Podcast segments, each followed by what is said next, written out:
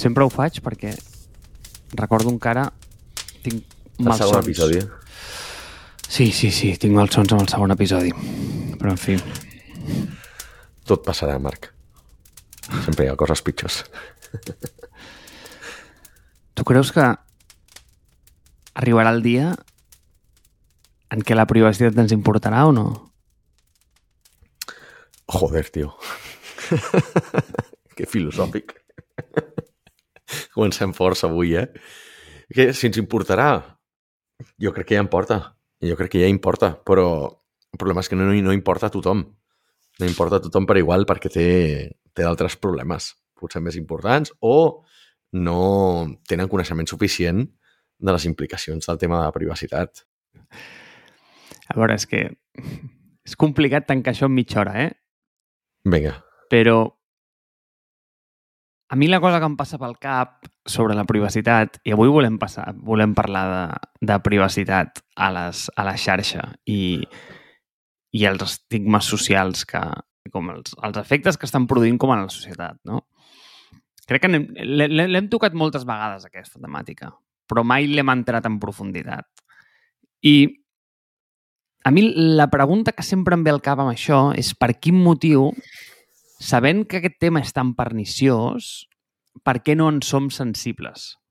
És a dir, vaig a posar un exemple molt estúpid, ¿vale? però quan anem a la tele eh, i ens expliquen el del canvi climàtic, bueno, ens diuen que el mar pujarà, pues això, pues, eh, un parell de centímetres i amb això pues, pensem, hòstia, pues mira, igual, tio, perdem 20 metres de platja, saps?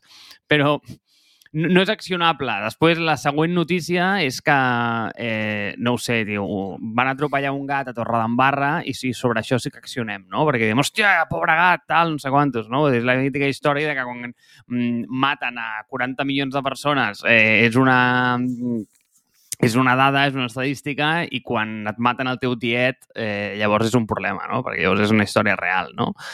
Eh, llavors, penso que cada vegada més en, eh, ens estem conscienciant, però hem donat i hem perdut tant terreny, sobretot eh, durant la pandèmia, que aquest és un tema interessant, que ja no sé fins a quin punt som conscients de les implicacions que té tot plegat. No sé tu com, com, com, com, com veus el tema de la, de, dels estigmes socials, de les xarxes, la privacitat, etc. A veure, per baixar-ho per baixar una mica més, eh? per aterrar-ho una mica més, jo crec que sí que hi ha gent que està conscienciada d'això, però és una gran minoria, no?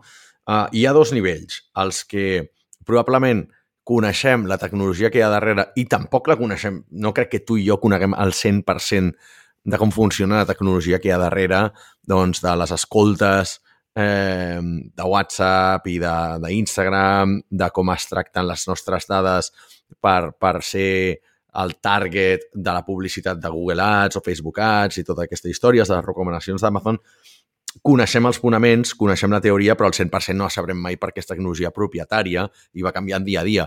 Però entenem com es pot arribar aquí, no? Com pot ser que jo eh, abans d'ahir vaig tenir una conversa sobre un tema en concret amb amics fent una cervesa al bar i avui tinc això a Instagram com a publicitat, no? Parlant de viatge a Egipte i avui tenir viatges a Egipte a Instagram. I dius, collons, és esfereïdor. Val? Això fa por i això passa. Um, i, i aquest és un primer grup de gent, no? Després hi ha l'altre grup de gent que està conscienciat perquè sap que això passa, però no entén el per què. Però ho saben i en són conscients i diuen, hòstia, eh, almenys almenys saben que això està passant i, i, i poden contribuir a expandir, diguem, la, la, o a passar la paraula de que això succeeix. Què passa? Que juntes aquests dos grups de persones, sí, probablement no són ni el 5% de la població activa tecnològicament. Val? Què passa? Que l'altre 95% és molt vulnerable. I aquest és el gran problema que jo li veig a tot aquest tema de, de com les grans corporacions tecnològiques s'aprofiten de la ignorància de la gent i de les dinàmiques de masses. No? Aleshores, clar, mm, per bé que uns quants estiguem assabentats, o es fa molt activisme en contra d'això i es demanen responsabilitats i transparència amb els temes dels algoritmes, de les, de les grans corporacions, temes recomanacions, com funciona l'advertisement, què es fa amb les nostres dades, o no arribarem enlloc. jo crec que el meu punt de partida seria aquest. I un dels teus punts aquí sempre ha estat el tema de, de la depressió i, i de com, d'alguna manera, això està afectant el nostre comportament, no? Eh, a mi m'agrada molt aquesta idea com et diria, és com una entelèquia filosòfica que no ho és, ¿vale? perquè també té una manifestació arquitectònica. No sé si ets familiar amb okay. un concepte que es diu panòpticon. Sí, vale. sí. Eh, això va ser una invenció d'un filòsof britànic, em sembla que era de Jeref, Jeremy Bentham, una cosa així es deia el, el tio, que bàsicament el que va fer va muntar com una espècie de presó en la qual tu, com a guarda, podies veure a tots els presos des del mateix punt de vista, no? Exacte. Llavors, el que era interessant en això era com que no només el, com a arquitectònicament, que, tio, que, que la, la, anem a dir com, com que l'edifici és maco, vale? I, i tio, arquitectònicament és, és seductor, sinó que el punt interessant era que com canviava el comportament dels presos quan no és que els estiguessin observant, però que tenien aquesta sensació de que podien estar observats en qualsevol moment, no? Llavors, penso que d'alguna manera, i quan et deia això del terreny perdut, és a dir, a nivell de societat, tio, hem dit que està ok, vale? I, i, i estem, mm, tio, pues, no tenim res que dir de que estem vivint en una espècie de panòpticon digital, tots plegats. O sigui, permanentment observats, eh, sempre com... Tio, jo crec que, joder, evolutivament no estem preparats, saps? Per, perquè hi hagin mil tios que quan pengem una foto estiguin mirant i estiguin pendents de la nostra reacció.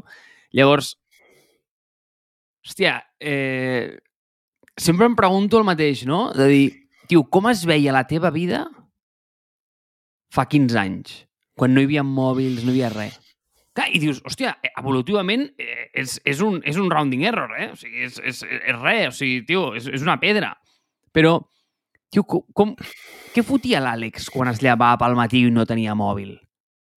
Eh, hòstia, això em queda molt enrere perquè vaig ser d'aquestes persones que va tenir mòbil relativament jove, no?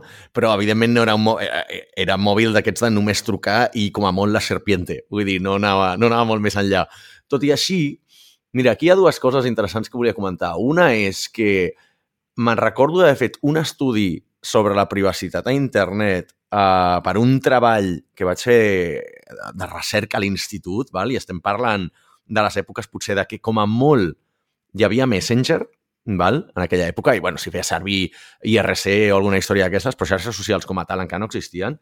I recordo que, em sembla que era l'any 2000, hi havia informació de cada persona, o més o menys de cada persona del planeta, val? encara que no tinguessin una compta activa, hi havia 8 gigas d'informació d'aquesta persona a internet, en algun lloc. Val? El qual és molt fort, perquè dius, hòstia, el meu avi no estava a internet, no tenia cap tipus de, de, de compte en lloc, ni cap, eh, ni cap tipus de presència digital. Però a mi em va remoure la consciència pensar que hi havia 8 gigas d'informació sobre el meu avi en algun lloc. Per què? Perquè això pot ser, clar, aleshores la gent pensa, no, però si jo no tinc correu electrònic, no tinc no sé què, és igual, tu potser no t'has fet comptes de res, però les empreses sí que han fet comptes per tu. I tu bé que tens una assegurança de vida, bé que tens un compte al banc, bé que tens uh, coses en propietat, com per exemple doncs, alguna, alguna empresa o una, o una casa o alguna així, totes, totes aquestes dades que estan en registres acaben a internet. Hi ha de vegades hi ha pèrdues d'informació que s'acaben venent per ahí a, a traficants d'informació, no? Per tant, aquestes dades ja estan per ahí. Hi ha gent que fa fotos teves i les penja a internet i tu no ho saps, val? abans inclús que ens poguessin taguejar a les xarxes socials. Per tant, aquesta, per mi, és una cosa que m'espantava força, no? I vaig dir, ostres... Eh, I després hi ha una altra, que és, és molt bo el tema del Panopticon, perquè uh, hi ha una... S'acaba... El que dius tu s'explica perquè hi ha un... El comportament humà canvia quan saps que estàs sent observat. Val? Per exemple, tots hem vist els típics estudis aquests de empresa que implementa tal tecnologia o tal metodologia de treball ha passat a ser 24% més productiva.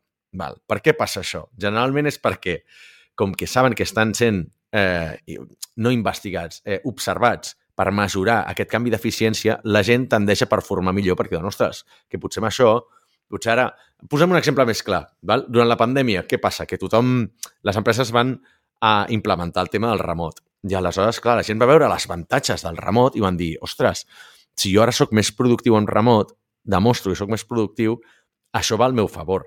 Per tant, no només és que el remot per si sigui més eficient a nivell d'empresa, sinó que quan ho van mesurar en les empreses, la gent estava donant l'extra perquè sabien de les avantatges d'això i, per tant, van canviar el seu comportament, val? amb una mena de micropanòpticon, però no me'n recordo com es diu el... Té, té, un, té un, nom científic, val? aquest canvi en el comportament, però m'has fet, fet pensar molt en això. Aleshores, hi ha diversos temes, no? Un, un és el tema de la teva privacitat, dades, és molt complexa, molt tecnològic.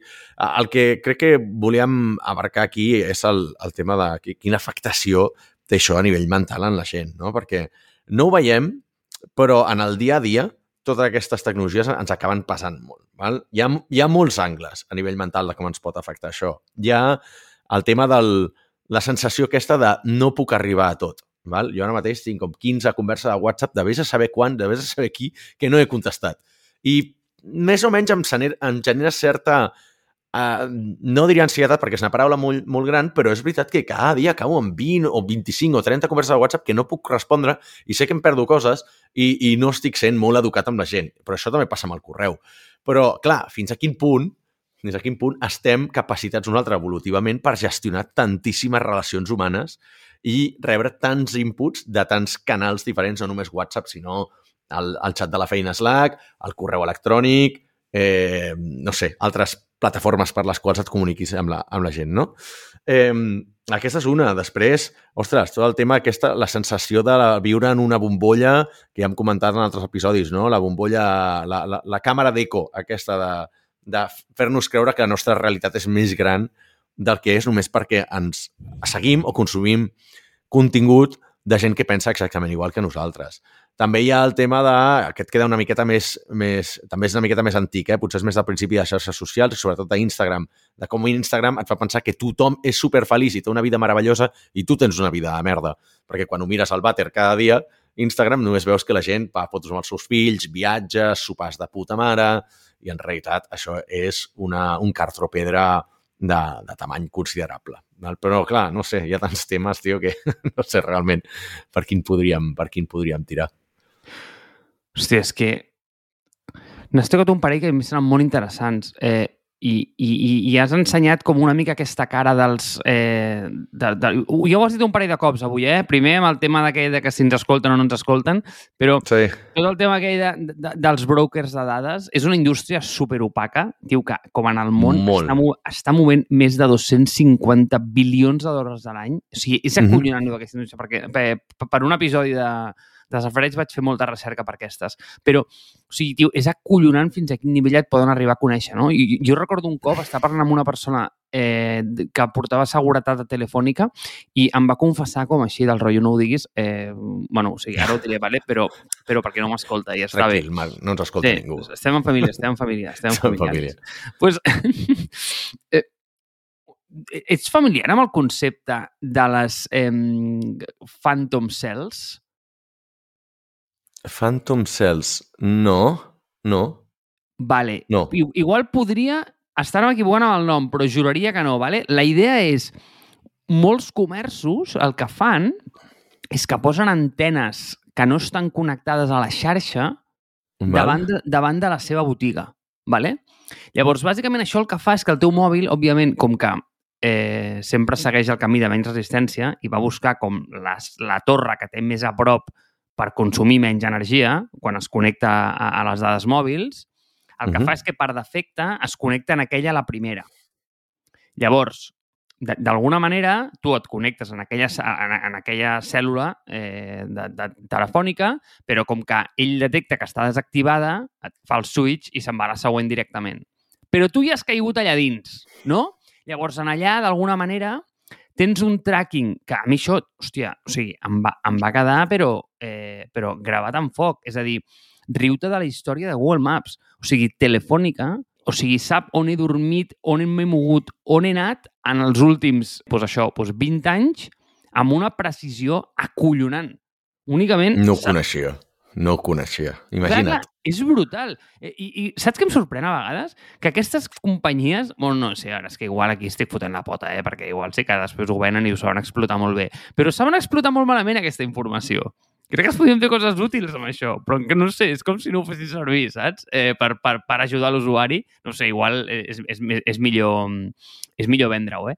Però... Ja, però èticament és correcte que tinguin aquestes dades teves? És a dir, eh, per una banda, eh, clar, de cap manera tenen el teu consentiment per col·leccionar això. D'altra manera, o sigui, o d'altra banda, diguem, eh, sempre es pot argumentar que l'ús d'aquestes dades després s'acaba fent servir per millorar serveis, millorar seguretat, millorar no sé què, amb no sé què.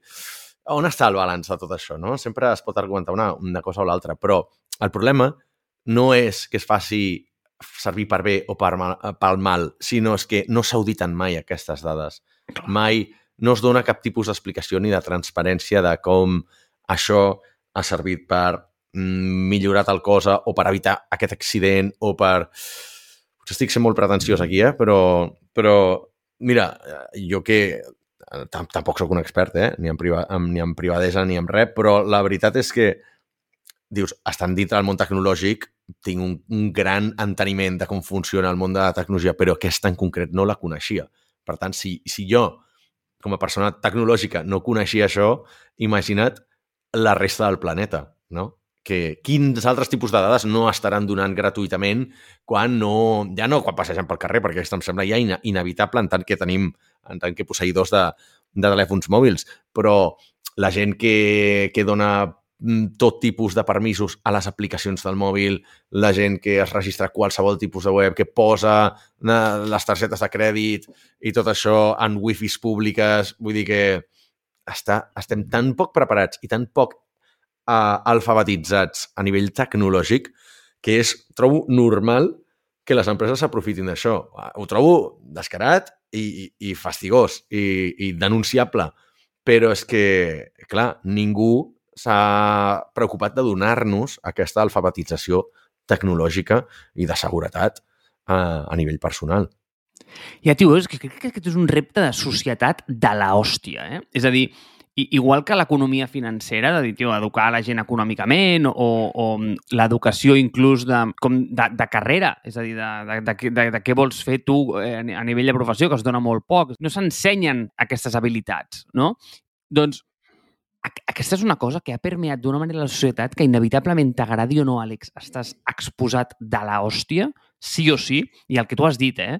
A mi hi ha hagut dos punts teus que, hòstia, que m'han tocat molt a, a, a la patata, eh? Que un és el de la impossibilitat de gestionar com totes aquestes coses que estan volant pel món digital eh, en forma de converses de WhatsApp, correus... Eh, si tens com una mentalitat d'aquestes com complicionistes, anem a dir que ho has de fer, has de marcar tots els xecs, saps? Sí, eh, jo sóc així jo sóc així i, i em genera una ansietat Impossible. de la hòstia. Però de la hòstia.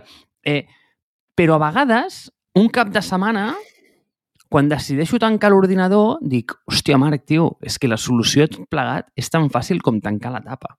Saps? Sí. I, i... Sí, sí, sí. És deixar una... O sigui, clar, deixar de ser com ets. Exacte. Però, clar, t'està canviant a tu com a persona, no? Exacte, tio, t'està canviant com a persona. I, i, i, I és el que dius, no? Que, hòstia, tio, tanques la tapa i és un món que està allà, vale? que funciona sol, que no depèn de tu i que, tio, i que és absolutament eh, passiu i està fora de, de la teva realitat, però com t'abstreu molt quan estàs a dins del que és realment important. I això és el que em molesta perquè en el seu moment sembla com que sigui més important que no hi hagi cap puntet verd a WhatsApp, eh, es, es converteix més important que el passar eh, una bona estona de qualitat, doncs, no sé, doncs amb la teva família, amb la teva parella, amb els teus amics, no? I, i, tio, i, i ens ha canviat el comportament sense voler-ho quan el que et dic, no? Que a vegades, hòstia, que fàcil és tancar la tapa i, i oblidar-te'n. I d'aquí ha aparegut com aquest corrent que, que, que es diu di, com minimalisme digital, que dius, tio, fins a quin punt...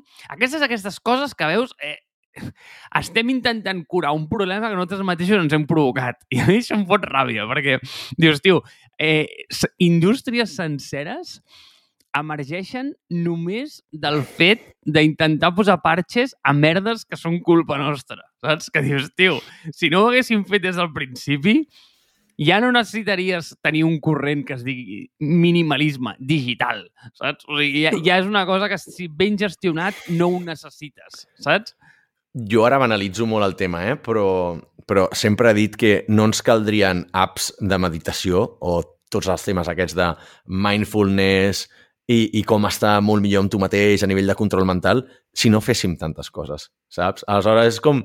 Ah, em sembla que ja ho he mencionat alguna, alguna vegada, no? I la frase no és meva, però el sistema capitalista és el millor sistema per crear solucions als problemes que ell mateix crea, no? Per tant, hòstia, eh, clar, necessitem temes de, eh, intel·ligència financera d'aquesta, dius, bueno, potser no, si només tinguessis un tipus d'income i no t'haguessis de preocupar de totes les coses que posseixes i ara tinc Bitcoin i ara tinc no sé què i ara tinc stocks perquè puc comprar-ho per, per Revolut i al final dius, ostres, tinc moltes coses, ho he de controlar amb alguna cosa. Bueno, doncs potser no.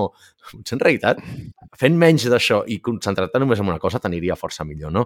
Aleshores, aquí el mateix. Si no tinguéssim, si no acceptéssim que és normal el tema de haver de respondre a tots els whatsapps, haver de tenir el correu al dia, eh, haver de tenir una feina 8 hores al, al dia eh, i tenir certes obligacions i altres contractes i constructes socials i laborals, potser no tindríem aquest tipus de problemes i sobrecàrrega mental i emocional de la que, de la que, de la que patim tots i que a qui més qui menys se li, se li transformen a un tipus de, de, de trastorn el que dèiem, no? Depressió, burnout, estrès, ansietat... Vull dir que hi ha mil maneres de que, de que es materialitzi aquest tipus de, aquest tipus d'acumulació informativa i, i, i, no sé, com de, de tipus de, de coneixement i contingut mundial que no cap al teu cervell. No estem preparats per això, segurament, no? com deies tu, evolutivament.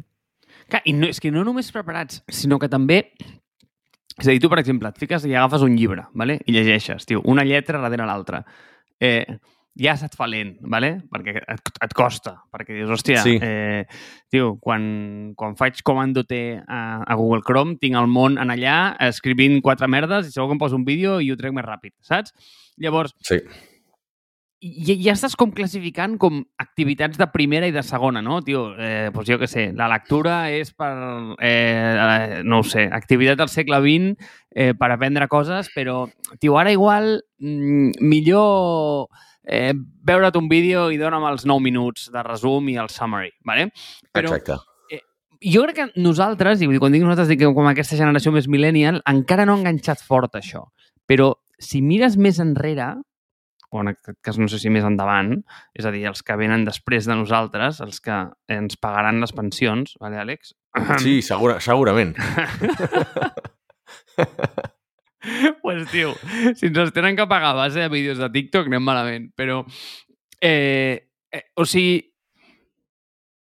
tio, els veus amb una addicció però no, és que ja no és ni addicció, és que s'ha convertit en la seva vida. O sigui, són natius de dir, ei, eh, si vols parlar amb ells, escriu-los pel, escriu pel mòbil. No els hi parlis, tio. Molt, o sigui, viuen allà directament, tio. Però sí. jo ho veig, ho, ho veig d'una manera, veig converses com eh, casuals pel carrer de xavals d'aquests que es parlen entre ells, vale? o sigui, verbalment, par parlen, o sigui, ells parlen, eh, mm, verbalment, però exacte, sí.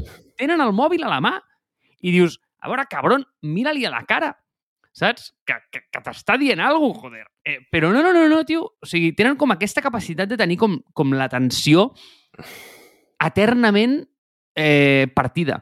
I, i, i, I és el que, que... O sigui, per mi aquest és el punt de l'episodi, no? O sigui, el punt de l'episodi quin era? Era, tio, eh, què està passant amb la privacitat? Com ens està afectant a nivell de societat? I, tio, eh, ens està afectant, o sigui, igual que quan dèiem que la tecnologia no, no ens alliberarà, aquí penso que tampoc ens farà més feliços, perquè eh, és allò de, tio, passes mm, tres hores fent scroll a TikTok i després et sents com un drap, no? Eh, no ho sé, jo mai ho he fet, però, però té pinta que mm, no, no, no és el millor ús del teu temps eh, estar fent servir això. Però, en canvi, hòstia, t'ho venen com, no ho sé, com, com la tecnologia, com algo eminentment boníssim i que, i que, i que, i que has de fer servir i, i d'alguna manera això s'ha colat a les nostres vides amb una facilitat que dius, tio, és que ho hem acceptat tot, Àlex, tio. Hem dit que tot està ok.